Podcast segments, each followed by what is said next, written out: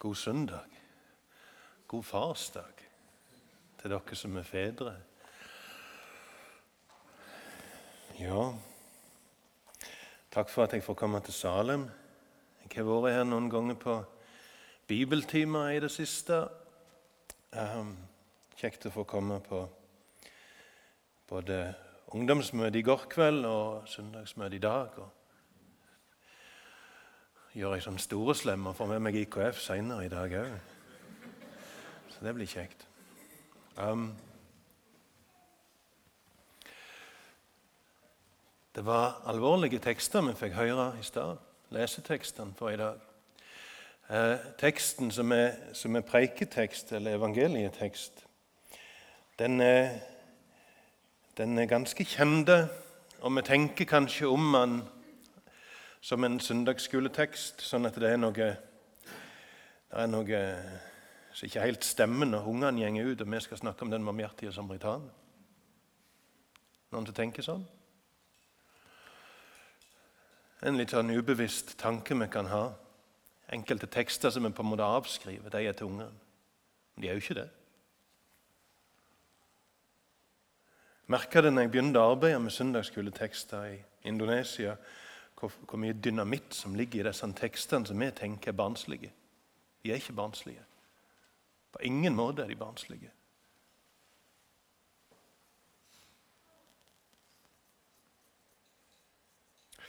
Vi skal lese fra Lukas kapittel 10, vers 25 til, til 37. For det bærer over med meg. Jeg leser på nynorsk jeg i dag den miskunnsomme samaritanen. Da steg det fram en lovkunnig. Han ville sette Jesus på prøve og sa, 'Meister, hva skal jeg gjøre så jeg kan arve evig liv?' 'Hva står skrevet i lova?' sa Jesus. 'Hvordan leser du?'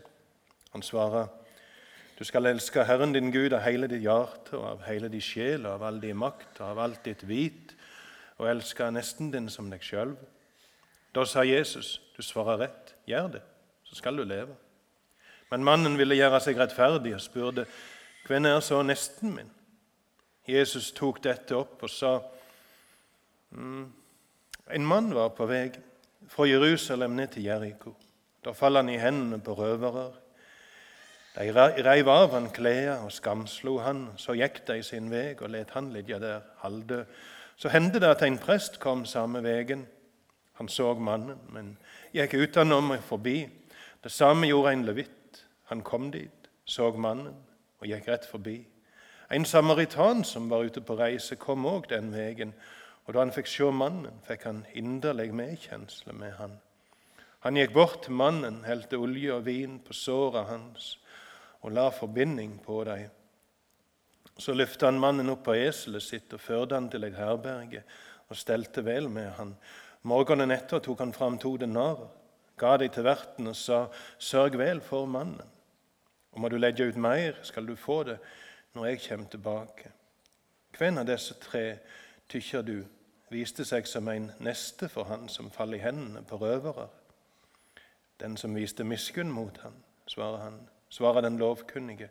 Da sa Jesus, gå du og gjør som han.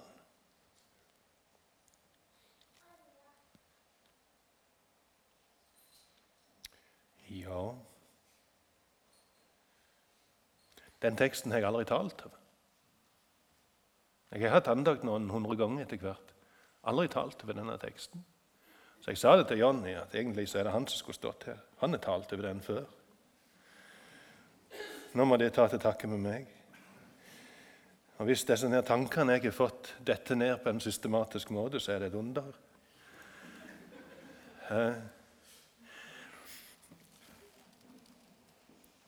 En lovkunnig steg fram og ville prøve Jesus. Mm. Og Når vi ser det som, det som, står her, så ser vi at det er ikke noe vi, vi ser ikke den ondskapen som vi møter enkelte andre ganger når folk vil prøve Jesus. De vil sette han på prøve. De vil egentlig sette han i saks, og de vil få noe å ta han for. Mens, mens her virker det som om det er en som på en måte vil mm teste Jesu innsikt.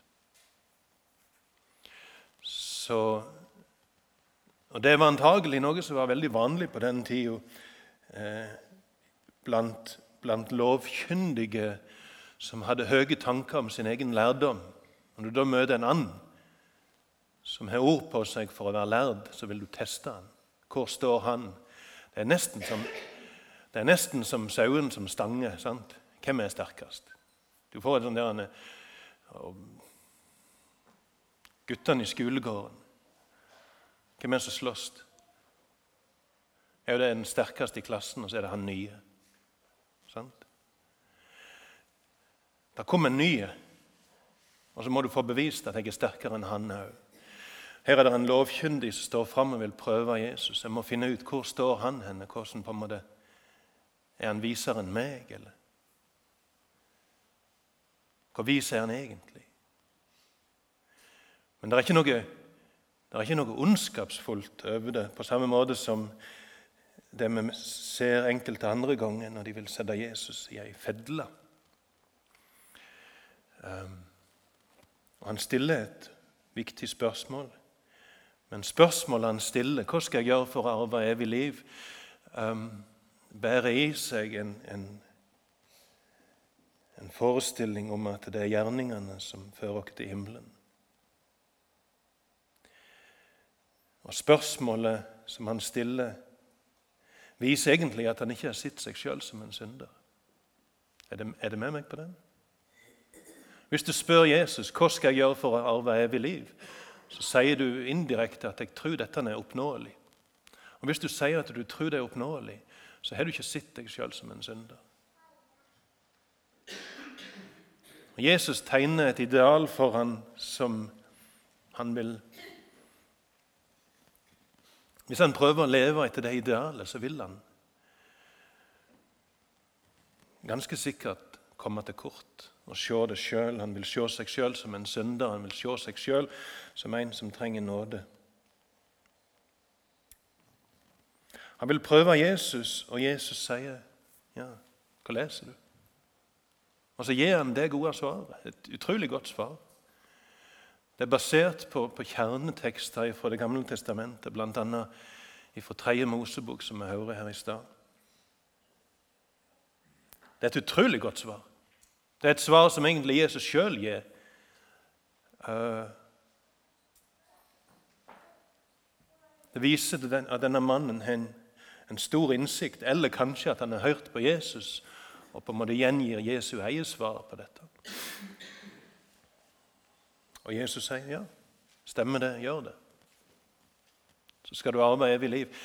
Eh, og så står det han ville rettferdiggjøre seg sjøl. Og og det handler egentlig kanskje om at han eh, Det er litt flaut hvis du gir et svar. Nei, hvis du, hvis du stiller et spørsmål, og så får du, får du respons ja, 'Hva tenker du sjøl?'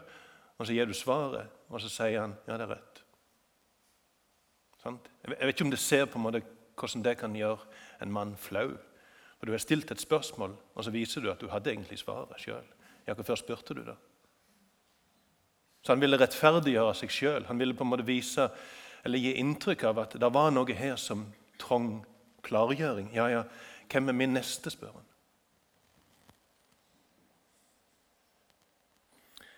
Hvem er min neste?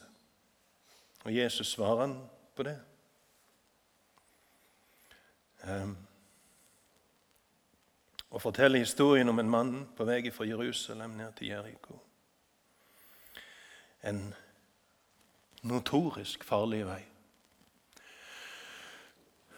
Helt inn i, langt inn på 1900-tallet var den berykta, den veien der. Røvere som lå i bakhold. Arabiske røvere. Eh, det, er en, det er en øde. Noen av dere har kanskje kjørt den veien. Det er en ødestrekning. Du, du passerer Jerusalem sine utposter, og så er det bare ødemark til dess du kommer ned mot Jeriko. Det er øde, det er goldt, det er, det er varmt, det er, det er, enkelt å stikke seg vekk. Um, og myndighetene hadde problemer med å gjøre den veien sikker. Hvis de har kjørt den veien fra Jerusalem og ned til Jeriko, så vet de kanskje òg at en plass langs etter den veien så er det en avkjørsel til den barmhjertige samaritans herberge. Det sitter.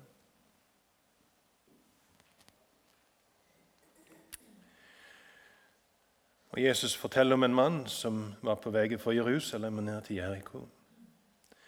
Er helt vanlig. Ikke noe vanskelig å forestille seg. Heller ikke vanskelig å forestille seg at han eh, falt i hendene på røvere.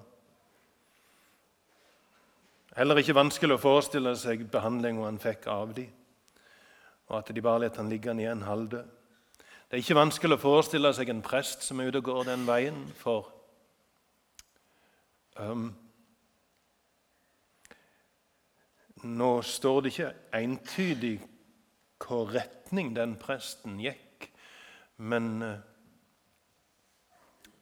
prester og levitter for att og fram mellom Jeriko og Jerusalem stadig vekk. For det bodde massevis av prester og levitter i Jeriko. Og de gjorde tjeneste i, i tempelet um, to uker i året. Pluss at de gjorde tjeneste på de store høgtidene, tror jeg. Så det å se en prest eller en levitt på vandring mellom Jeriko og Jerusalem var veldig vanlig. Gjerne ikke så vanskelig å forestille seg heller at presten eh, går forbi. Eh, I alle fall hvis han er på vei til Jerusalem. For Hvis han er på vei til Jerusalem, så er han på vei for å gjøre tjeneste i tempelet.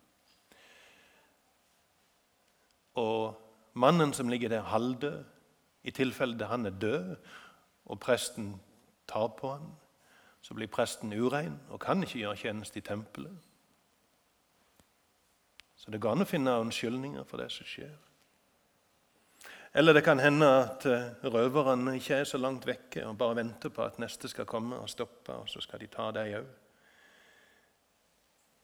Presten går forbi, levitten går forbi. Og Det er mulig at Jesus bygger opp på en måte. Presten gikk forbi, levitten gikk forbi, så kom det en fariseer. Det er mulig at han bygger opp en forventning om at den tredje høydepunktet det er en fariseer. Han kommer, han skal gjøre det som er rett. Og så smedler bomba den samaritan som kommer. Han stoppe. Og stedle denne sjuke. Tar han med til et herberge. Stedler han hele den kvelden. Neste morgen gir han to denarer, to, to dagslønner. Eh, to dagslønner. Det, det er antagelig eh, jeg vet ikke hvor lenge du kunne ha bodd på et herberge for to denarer, men det kan hende at det dreier seg om ei uke. En, en, en, denar var ei dagslønn. Um, og Det rokk langt på de enkle vertshusene og herbergene som var på den tida. Eller det kan hende at betalinga fører til at her er det en, en vert som kan gi hele sin oppmerksomhet hele sin tid til denne ene som ligger der. Sørg vel for mannen. Og må du legge ut mer, skal du få det når jeg kommer tilbake. Og så er det, så er det sant, det som Jonny sier. Det er en vanlig tanke at samaritanen her er et bilde på Jesus. Han blir faktisk kalt en samaritan. Johannes 8, vers 38, tror jeg det. er. Jesus blir kalt en samaritan og en besatt. Eh, jødene brukte det som et skjellsord. En samaritan. Ja, ok, da. En samaritan. Kaller seg sjøl med det navnet. Um, hvem var samaritanene, da? For å finne ut hvem samaritanene var, så må vi langt tilbake. Vi må over 700 år tilbake, i 750 år etter at Jesus forteller denne historien, finner vi opphavet til samaritanerne. Um, befolkningen i Nordriket, Israel, blir bortført til Asyria. Og asyrerne henter i plassen andre folk og plasserer dem i, i Nordrike, der hovedstaden var Samaria. Uh, og så skaper den asyriske kongen et blandingsfolk. Både rasemessig et blandingsfolk. Folket fra forskjellige kanter av riket hans blir plassert i Samaria. Han sender noen jødiske prester for å lede, være religiøse ledere for dette folket. Men det blir et rasemessig blandingsfolk, og det blir et religiøst blandingsfolk. Eh, og, og jødene tok skarp avstand ifra dem. Det skjer eh, Samaria faller i 722. 722 før Kristus. 750 år før Jesus står og forteller dette. Og Så går det 150 år, og så faller Jerusalem. Og befolkningen i Sørriket blir bortført til Babylon. Og så, de, så, er de der i, i 70 år. Og så får de komme hjem i 538. Eh, og Når de kommer hjem, så er det første de gjør, det er å prøve å bygge opp etter tempelet. Og Når jødene vil bygge opp etter tempelet i Jerusalem, så kommer befolkningen i Samaria og spør om å få være med. Og jødene sier nei. Det får ikke være med. Det er vi som skal bygge dette tempelet. Det er vårt tempel. Det er en steil og kontant avvisning når samaritanerne kommer og vil være med og bygge tempel. De vil være med på dette. Og Det det fører til, det er en, det er jubelkløft. Og jeg det blir bare, det bare fortalt liksom rett fram i Esras bok om hvordan samaritanerne blir avvist. Det står ikke engang at det er samaritanerne, men vi, vi skjønner at det er dem. Og De sier vi har dyrka dere Gud. Vi vil ha med å bygge tempelet. Nei. Og det, det, det, jeg, jeg vet ikke om det var rett. Bibelen har det med å bare fortelle ting rett fram, og så må vi sjøl trekke slutningene. Var det rett, eller var det feil? Og I det tilfellet vet jeg ikke. Jeg vet ikke om det var rett. Antagelig var det ikke rett måte, i alle fall, for det førte til ei, ei forverring av den konflikten. Kløfta ble større, motsetningene hardere. Og Når de ikke fikk være med å bygge tempelet, så gikk de i plassen til angrep diplomatisk. De på en måte sendte brev til kongen i Persia for å få han til å stoppe tempelbygginga. Og Så bygger de sitt eget tempel på Garisimfjellet, rett etter Mesikem, eller det som nå heter Nablus. De bygger sitt eget tempel. Og Så husker det kanskje fra historien om Jesus som møter denne dama ved brønnen forbi Syker der hun stiller spørsmål. Jødene sier at skal, vi skal tilbe i Jerusalem, men vi sier at vi skal tilbe på Garisim. Hva sier nå du? Så trekker hun fram denne konflikten. Hva er det rette fjellet? Hva er den rette plassen å tilbe henne? Og Jesus bare avviser totalt problemstillingen. Det handler ikke om, det handler ikke om geografi. Det handler om å tilbe Gud i ånd og sannhet.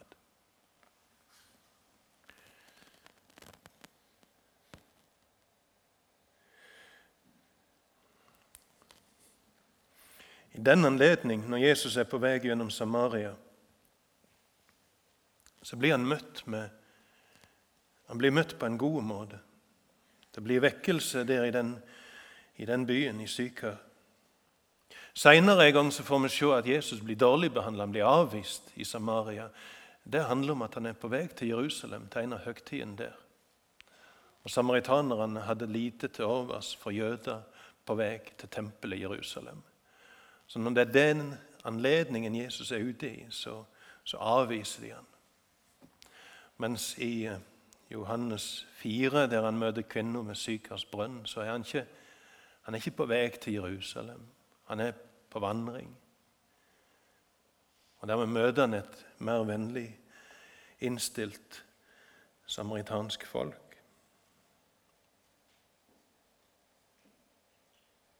Så det var en konflikt, det var en motsetning.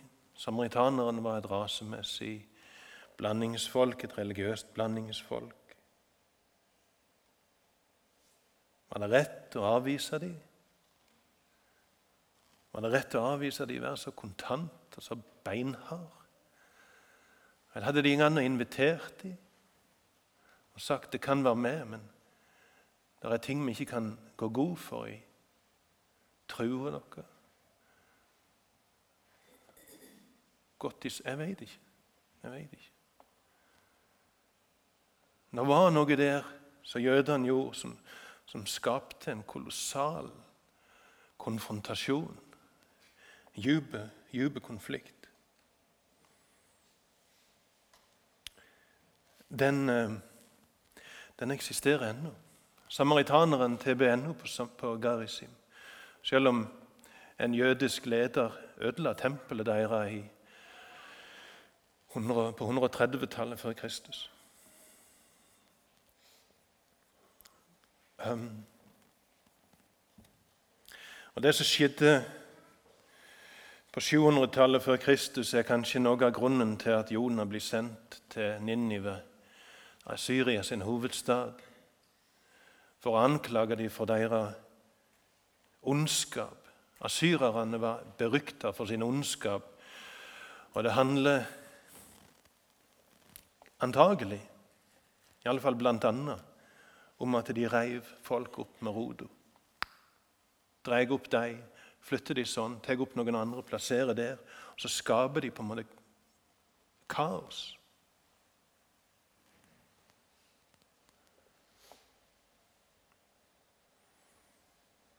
Det er en av de, en av de viktigste sidene med asyrerne sin ondskap at de rykker folk opp med roda. Og blander og røsker Lager en på en måte rasemessig lapskaus. Ødelegger folk sin identitet. Ødelegge folk sin tilknytning til, til plassen der de har røttene sine. Det er utrolig ondt. Det er noe Gud reagerer på. De omvendte seg på Jonas i tid, og seinere fortsatte de med ondskapen, og de ble straffa beseira av Babylon ei tid seinere. Så det er samaritanerne. Jødene hadde så mye mot dem at de heller tok en omvei gjennom Jordandalen enn å gå gjennom Samaria. Mens Jesus han går gjennom Samaria. Vi leser fire ganger om Jesus og samaritanere i, i Nytestamentet. Denne er av, et av eksemplene. Så leser vi om kvinnen ved Sykars brønn. Hun var en samaritan. Vi leser om Jesus som helbreder ti spedalske, og en av de kommer tilbake og takker. Han var samaritan. Øh, så trodde jeg det var en til. Nå har jeg glemt det.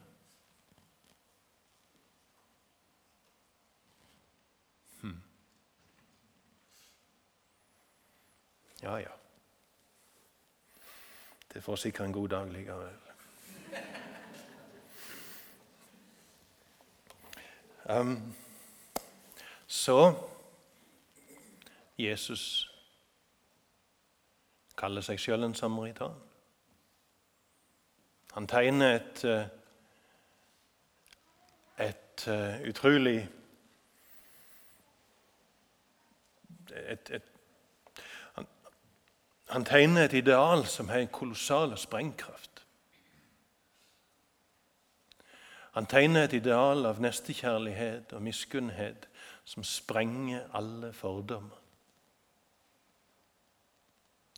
som sender folk ut for å vise godhet på tross og på tvers av alle skiller og alle fordommer. Det er et mektig budskap.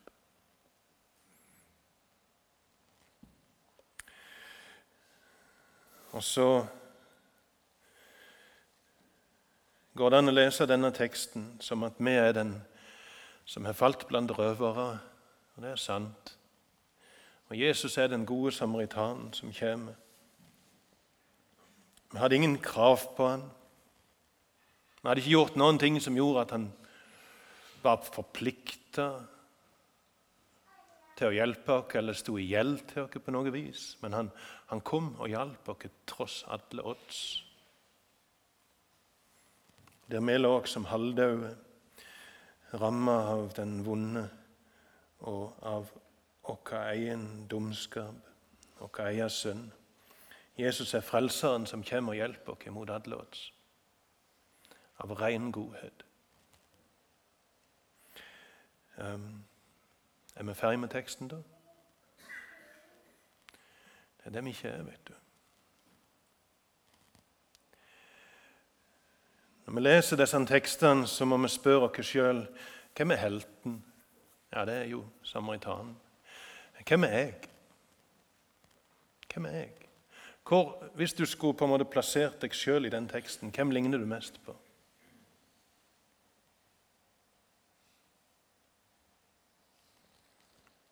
Ja, Jesus har berga meg fra djevelen. Så jeg er vel han som er falt blant røvere? Ok, er vi ferdige da? Nei. En gang for lenge siden var du den som hadde falt blant røvere, men hvem er du nå? For to uker siden var jeg på Gandal og hadde teksten om sønnen som kom hjem. Og Så nevnte jeg noe jeg leser i ei bok. Det er en som sitter og ser han på et bilde av den bortkomne sønnen som kommer hjem til far. Og så undrer han seg hvem er jeg? Hvem er jeg i denne historien? Og Så er det en, så, så, en, en, en kamerat som sier til ham, du var den bortkomne. Du er den heimeværende, og du er kalt til å være faren.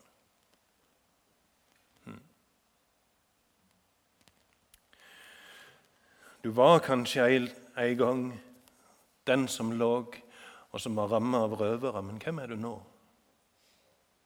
Hvis du skal være helt ærlig med deg sjøl, hvem er du nå?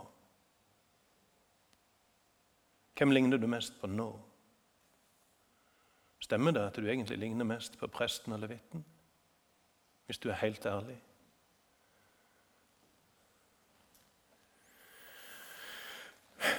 Jeg opplevde noe i går. Jeg var på ungdomsmøte her.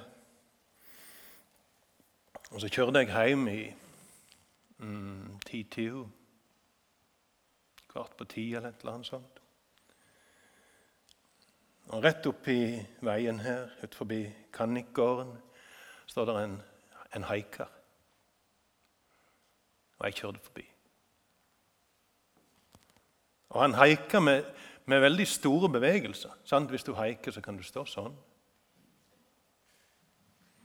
Eller du kan gjøre sånn. Og Hvis du haiker med store bevegelser, så, stå, så sier du egentlig 'Jeg trenger hjelp'. Hvis du står og liksom bare vifter så vidt med tommelen, så skaper du et inntrykk av at egentlig du det ganske greit. Han som jeg traff i går, vifta med hele armen og hele seg. Han sto der i en busslom utenfor Kannikåren og, og bøyde seg framover. Det var nesten så han gikk ut i veien. Jeg kjørte forbi. Jeg Jeg hadde det travelt. Jeg måtte hjem og forberede en andakt om nestekjærlighet. Jeg ble sittende og tenke litt i bilen. Jeg var på vei hjem. Jeg hadde det travelt og skulle snakke om nestekjærlighet. Men jeg kjørte forbi han som trang nestekjærlighet. Jeg ligner ganske mye på presten og levitten, gjør jeg ikke?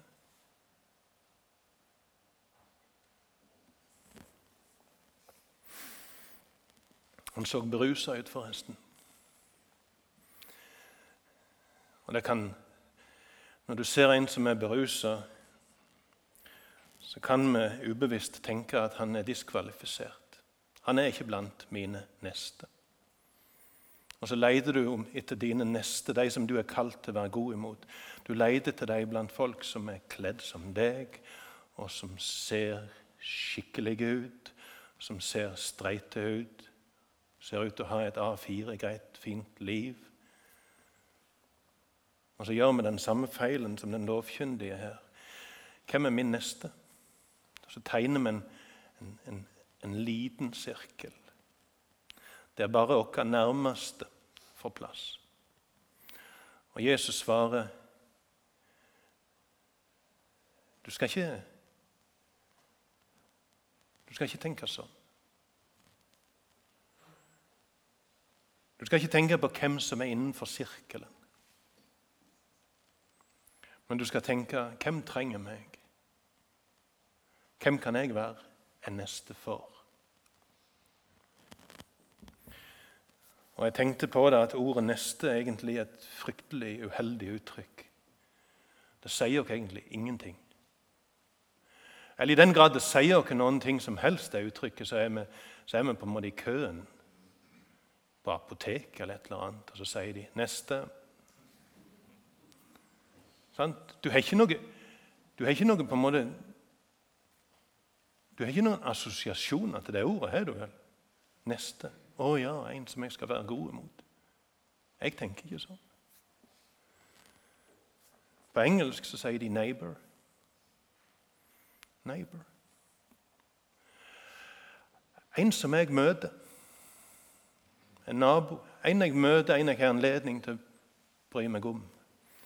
På indonesisk sier de 'sesama manusia', som betyr en som er et menneske sånn som meg. Det er egentlig et godt uttrykk.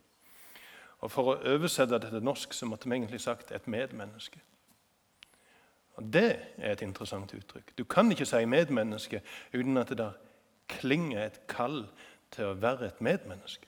Det er et uttrykk som bærer i seg et kall om å bry seg.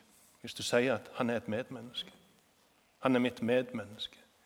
Det ordet bærer i seg kallet til å bry seg. Og Derfor er det et uheldig uttrykk når vi snakker om neste. Det er et ord som egentlig er dødt. En gang var det kanskje levende. Og jeg har stor respekt for de som sitter og skal prøve å oversette Bibelen. De skal finne ord som rommer sannheten, som rommer meninga og budskapet i teksten. Og så hender det at ord dør. Og så må vi finne nye ord. I noen tilfeller må en lage nye ord som, kan, som en kan fylle med innhold fra Bibelen. Det skjer mange plasser når kristendommen kommer til en ny plass. Det skjedde i Norge når kristendommen kom til landet og du måtte ta ordet fra tysk for å uttrykke tilgivelse. Det fins ikke noe norsk ord for tilgivelse. Alle ord vi har om tilgivelse, stammer fra tysk.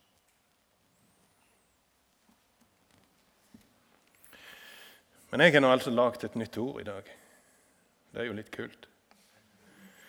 Um, denne lovkyndige, og kanskje litt vi òg, er opptatt av å ha de rette meningene. Kunne svare rett på de viktige spørsmålene. Kunne begrunne det bibelsk, det han mener. Og Kanskje for å strekke det litt, så kan vi si at han er opptatt av ortodoksi. Ortodoksi, det betyr rett tilbedelse. Orto, rett. Doksi, tilbedelse. Og Jesus ser at han har de rette meningene og sier ja, ja, kjempefint, gå og gjør det.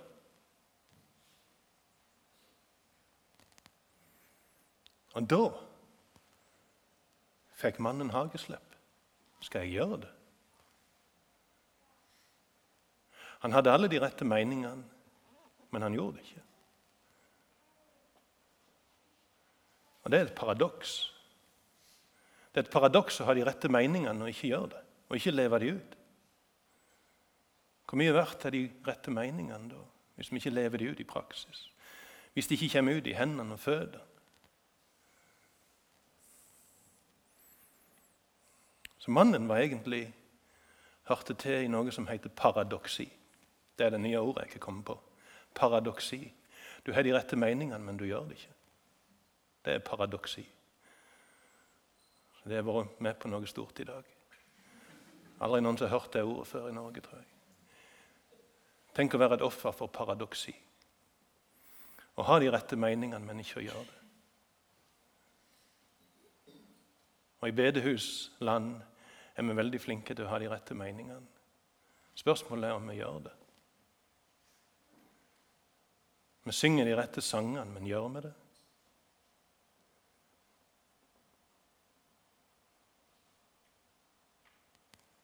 Vi er helt tydelige på at Jesus er glad i alle mennesker, men viser vi det?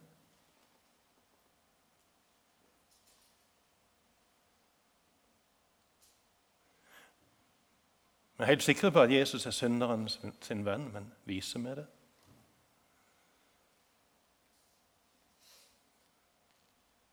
Eller gjør vi det som jødene gjorde? Når de avviste samaritanerne på en så kontant og steinhard måte at de skapte noen dype kløfter og sterke konfrontasjoner og skutta folk sånn ifra seg at de skapte ei kløft som ennå ikke er lekt. Paradoksi.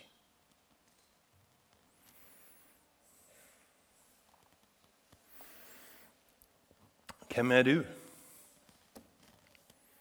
Ville du kjørt forbi han mannen oppi veien her? Han som sto og haika og var berusa? Hvis vi er ærlige, så tror jeg kanskje vi alle, eller nesten alle, ville gjort det. Og det er jo alvorlig. Jeg hadde god plass i bilen. Følte jeg hadde dårlig tid, da, men jeg hadde god plass i bilen. Han viste veldig tydelig at han trang hjelp, og jeg kjørte forbi han. Og Jeg var opptatt av å forberede meg på å snakke om nestekjærlighet. Hvor mye verdt er det å kunne si de rette tingene om nestekjærlighet hvis vi ikke viser det i praksis?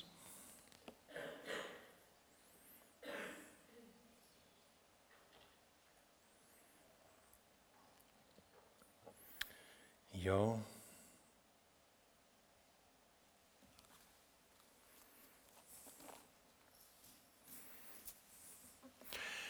Eldste gutten min eh, ga beskjed i går kveld at han hadde lyst til å bli vekt tidlig i dag, for han ville steke vaffelkake til meg. Det er jo bemerkelsesverdig. Han er snart 17 år. Ber om å bli vekt tidlig en søndagsmorgen. Det er så bemerkelsesverdig at jeg ser det som et uttrykk for kjærlighet.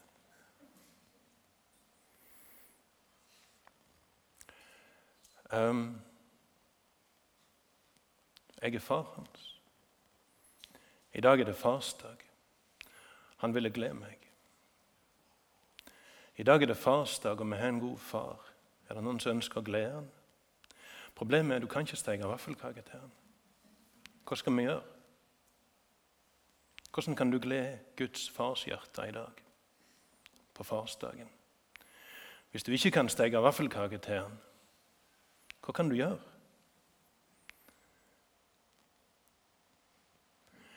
Alle som er fedre, vet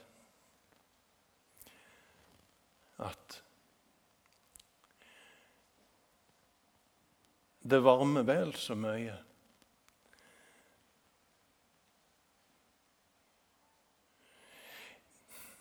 I plassen for å si noe fint til meg, eller i plassen for å gi noe fint til meg, i plassen for å gjøre en fin ting overfor meg Det varmer vel så mye hvis du sier noe fint om ungene mine. Eller gi noe til ungene mine. Eller gjør noe fint imot dem. Og I dag er det farsdag, og hvis du vil glede Guds farshjerte, så gjør noe fint imot en av hans minste, som du ser trenger det.